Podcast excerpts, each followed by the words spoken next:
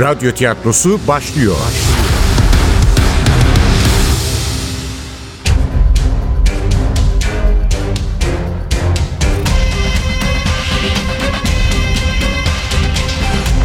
Sultanı Öldürmek 35. Bölüm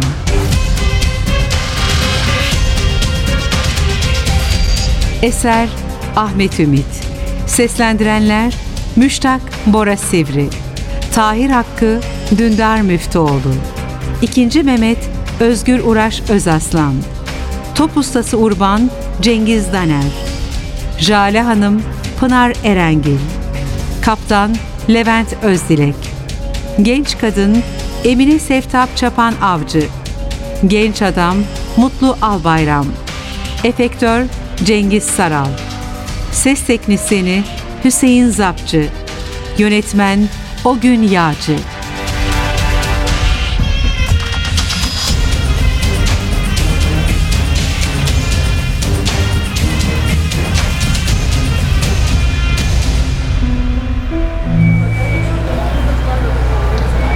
Yargılama falan yapılmadan mı? Yargılama falan yok Jale Hanım. Hak da yok, hukuk da yok. Gücün yasa olduğu bir dönemden söz ediyoruz. Kılıcın, devletler gibi insanların da kaderini belirlediği bir dönemden. Günümüzde de öyle değil mi? Amerika demokrasi getireceğim diye Irak'a girdi. Ama bir milyon kişinin ölümüne neden oldu. Günümüzün uluslararası politikasını değil, tarihi konuşuyoruz hanımefendi. Evet, biz konumuza dönelim. Şimdi sizlere bir sorum var. Evet, Venedikli kaptan Antonino Erizo'nun kadırgasının bir top güllesiyle batırıldığını söyledik. O topu yapan kişinin adını bilen var mı? Yok mu? Urban mı? Kim? Urban. Top ustası Macar Urban. Aferin. Genç arkadaşıma bir alkış. Tamam, tamam, tamam. Evet. Bu konuda farklı görüşler olmasına rağmen birçok tarihçi Boğaz kesenin toplarını Macar Urban'ın yaptığını söyler. Bildiğiniz gibi Urban, Konstantinopolis'in kuşatmasında önemli bir rol oynayacak olan devasa topların yapımcılarından biriydi. Belki de en önemlisiydi.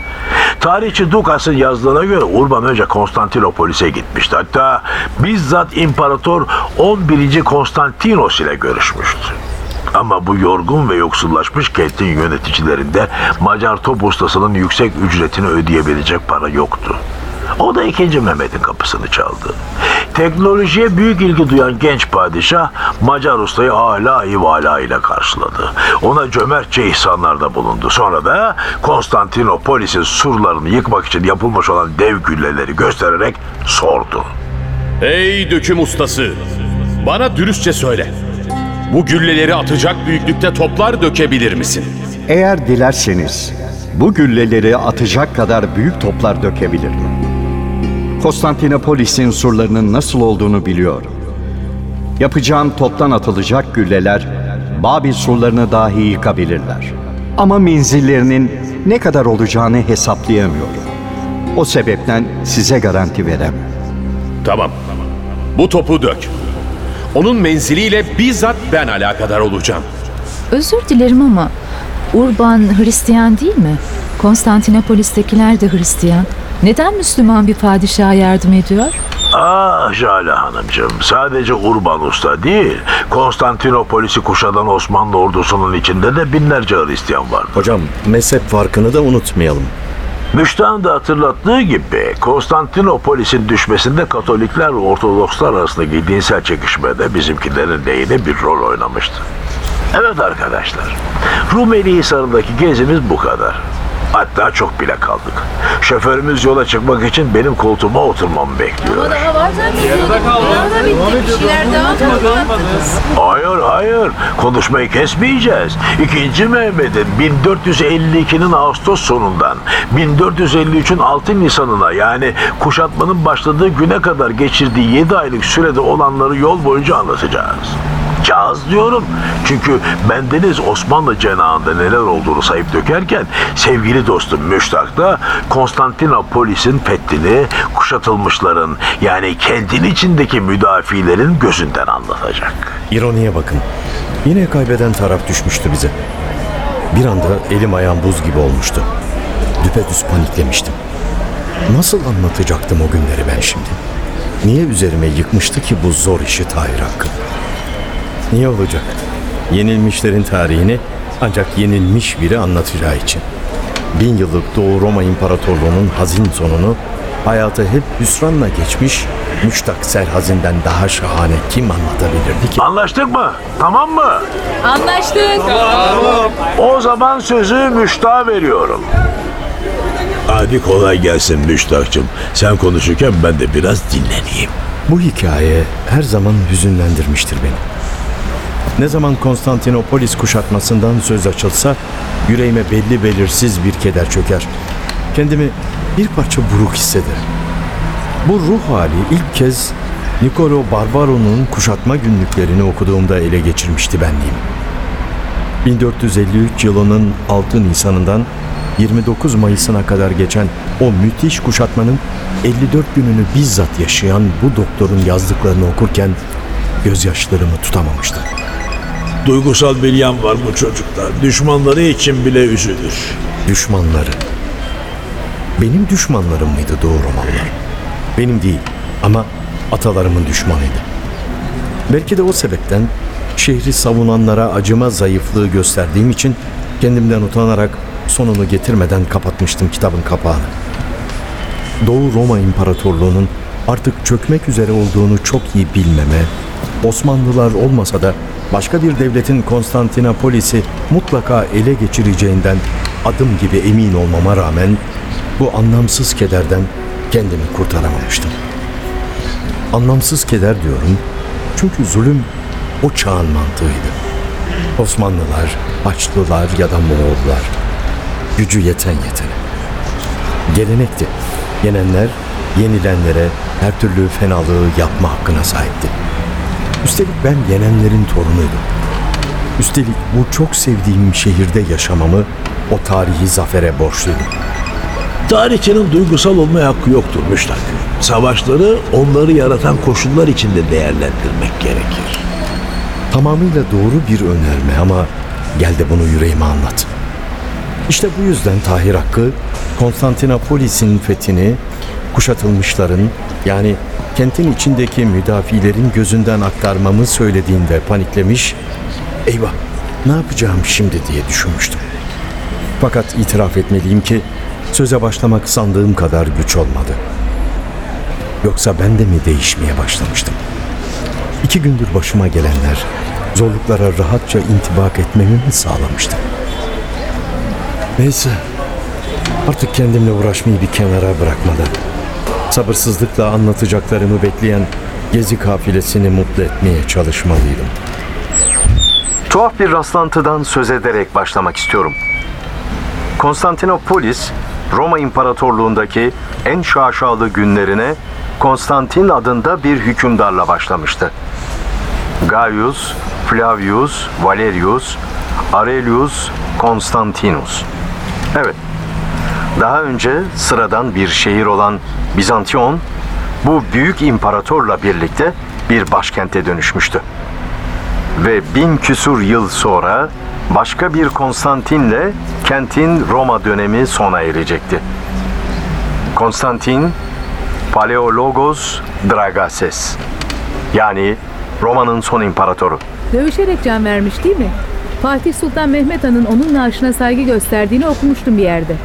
O konuda farklı rivayetler var. Ama durun. Daha Konstantin Dragases ölmedi. Konstantinopolis hala Doğu Romalıların hakimiyetinde. Uygarlık kronolojik olarak gelişmeyebilir ama tarih kronolojik olarak ilerler. Yani olayları sırasına göre anlatmakta fayda var. Böylece kafamız karışmaz. Lütfen ayakta anlatın. Yüzünüzü görmek istiyoruz. Ayakta anlatın. Böylesi etkinliklere katılmayı bu yüzden sevmiyordum.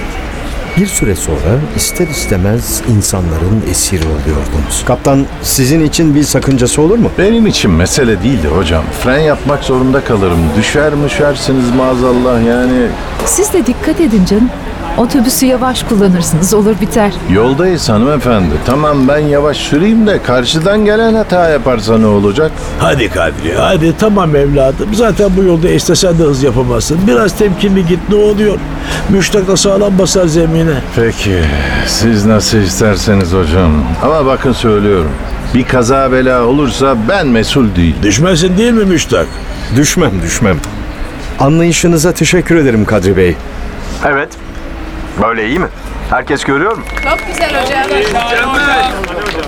Tamam tamam abartmayalım arkadaşlar. Evet. Son Roma İmparatoru 11. Konstantin'den bahsediyorduk.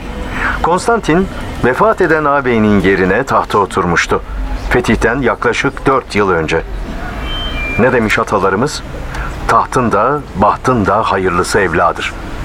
Konstantin'e taht hiç de hayırlı gelmeyecekti. Tahta çıktıktan sadece 3 yıl sonra karşısına dikilen 2. Mehmet, onun kaderinde belirleyici bir rol oynayacaktı. Elbette o felaketlerle dolu dönemin ilk belirtisi az önce gezdiğimiz Boğazkesen Hisarı'nın yapılmasıydı.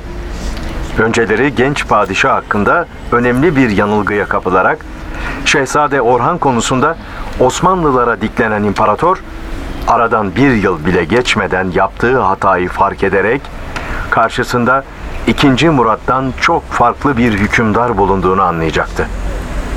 Mehmet kararlıydı, cesurdu, ataktı. Hepsinden önemlisi büyük idealleri vardı. Ve bu ideallerin önündeki ilk büyük engel Konstantin'in kentiydi. İmparator bu gerçeği anladığında korkuyla titremiş olmalı. Ama henüz o kadar da umutsuz değildi. Kentin savunması için iki önemli dayanağı vardı. Sustum. Bütün bakışlar üzerime toplanmıştı. Şu arka sıradaki kıvırcık saçlı oğlan bile yanındaki kızları unutmuş, ağzı yarı açık beni izliyordu. Oysa son 10 yıldır takdir toplayan tek bir konuşma bile yaptığımı hatırlamıyorum. Daha önce, yani Nusret beni terk etmeden önce de fakültenin en popüler hocası olmasam da öğrencilerin dersine girmekten zevk aldığı bir tarihçiydim. Hatta bu özelliğim nedeniyle bazı meslektaşlarımın kıskançlığına hedef bile olmuştum. Fakat bu dediğim önceydi, çok önce. Sonra hayatın neşesi söndü. Sonra üniversitenin keyfi kaçtı. Sonra tatsız tuzsuz bir herif oldum çıktım. Ne kimsenin bir şey anlatmak istediği, ne kimsenin bir şey dinlemek istediği bir adam.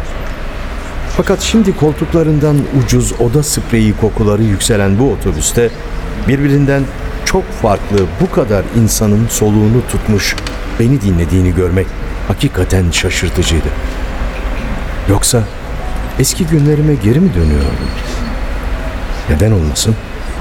Nasıl olsa artık müset yoktu.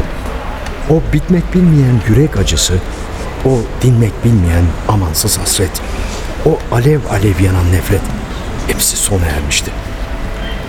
Öyle mi? Yorgan gitmiş kavga bitmiş miydi? Hiç sanmıyordum. Ne giden vardı ne de biten. Tahir Hakkı'nın kanı çekilmiş yüzüne, bir endişe kuyusunu andıran gözlerine bir kez bakmanız bile yeterliydi bunu anlamak için. Hayır, ben değişmemiştim. Herkesin bildiği, kendine bile yararı olmayan o mıymıntı tarihçiydim. Marifet bende değil, konunun cazibesindeydim. İnsanlar yaşadıkları şehrin tarihini merak ediyorlardı. Kentlerin kraliçesinin nasıl el değiştirdiğini öğrenmek istiyorlardı. Kendimi anlamsız düşüncelerin pençesinden kurtarıp sordum. Neydi o iki dayanak? Konstantin'in umut bağladığı o iki direnç noktasını bilen var mı?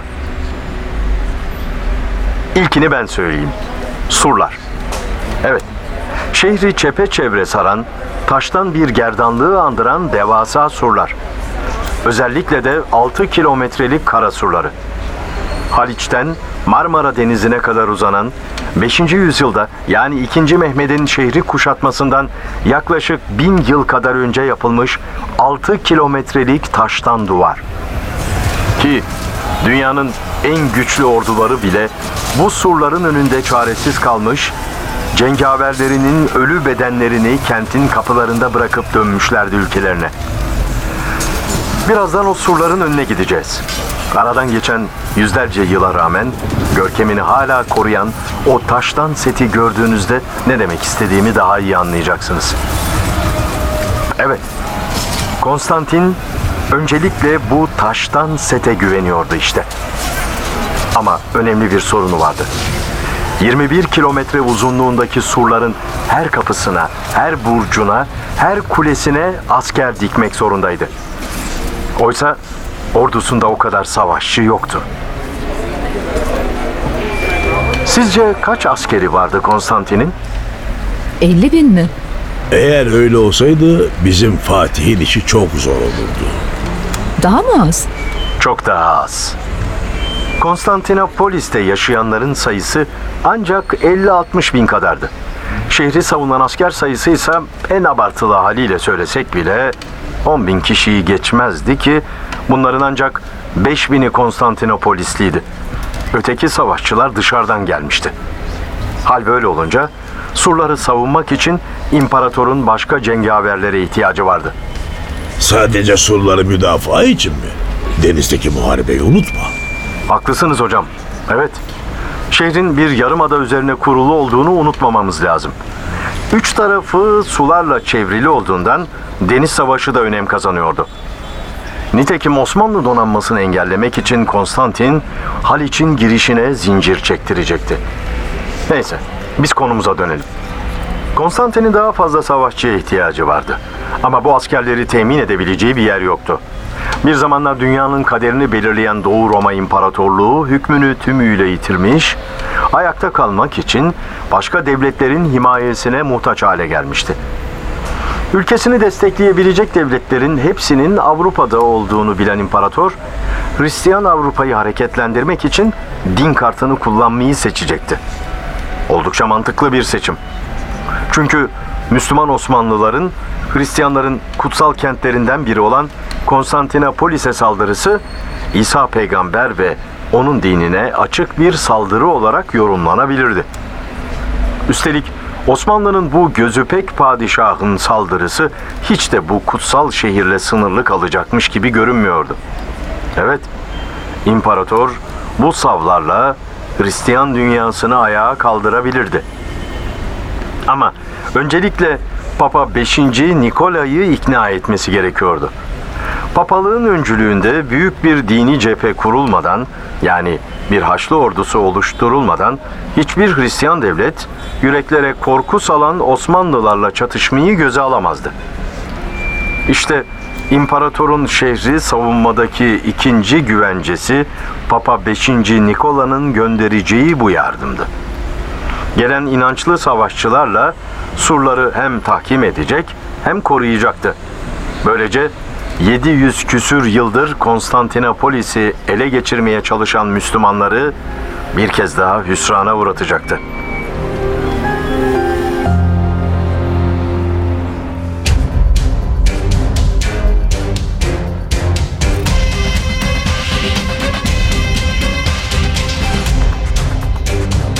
Sultanı öldürmek.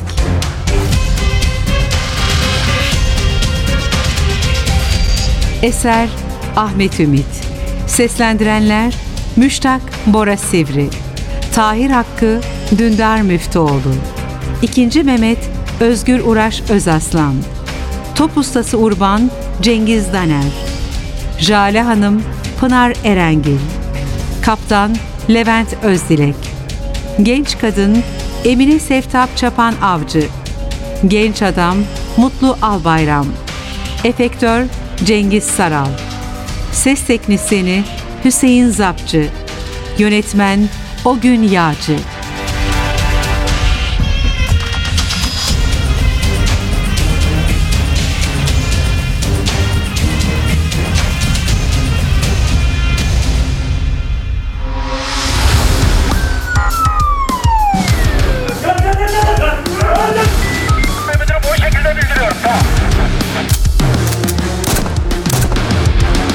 Radyo tiyatrosu sona erdi. Radyo tiyatrosu her cumartesi 11.30'da NTV Radyo'da. Kaçıranlar ve tekrar dinlemek isteyenler içinse ntvradio.com.tr'deki podcast sayfamızda.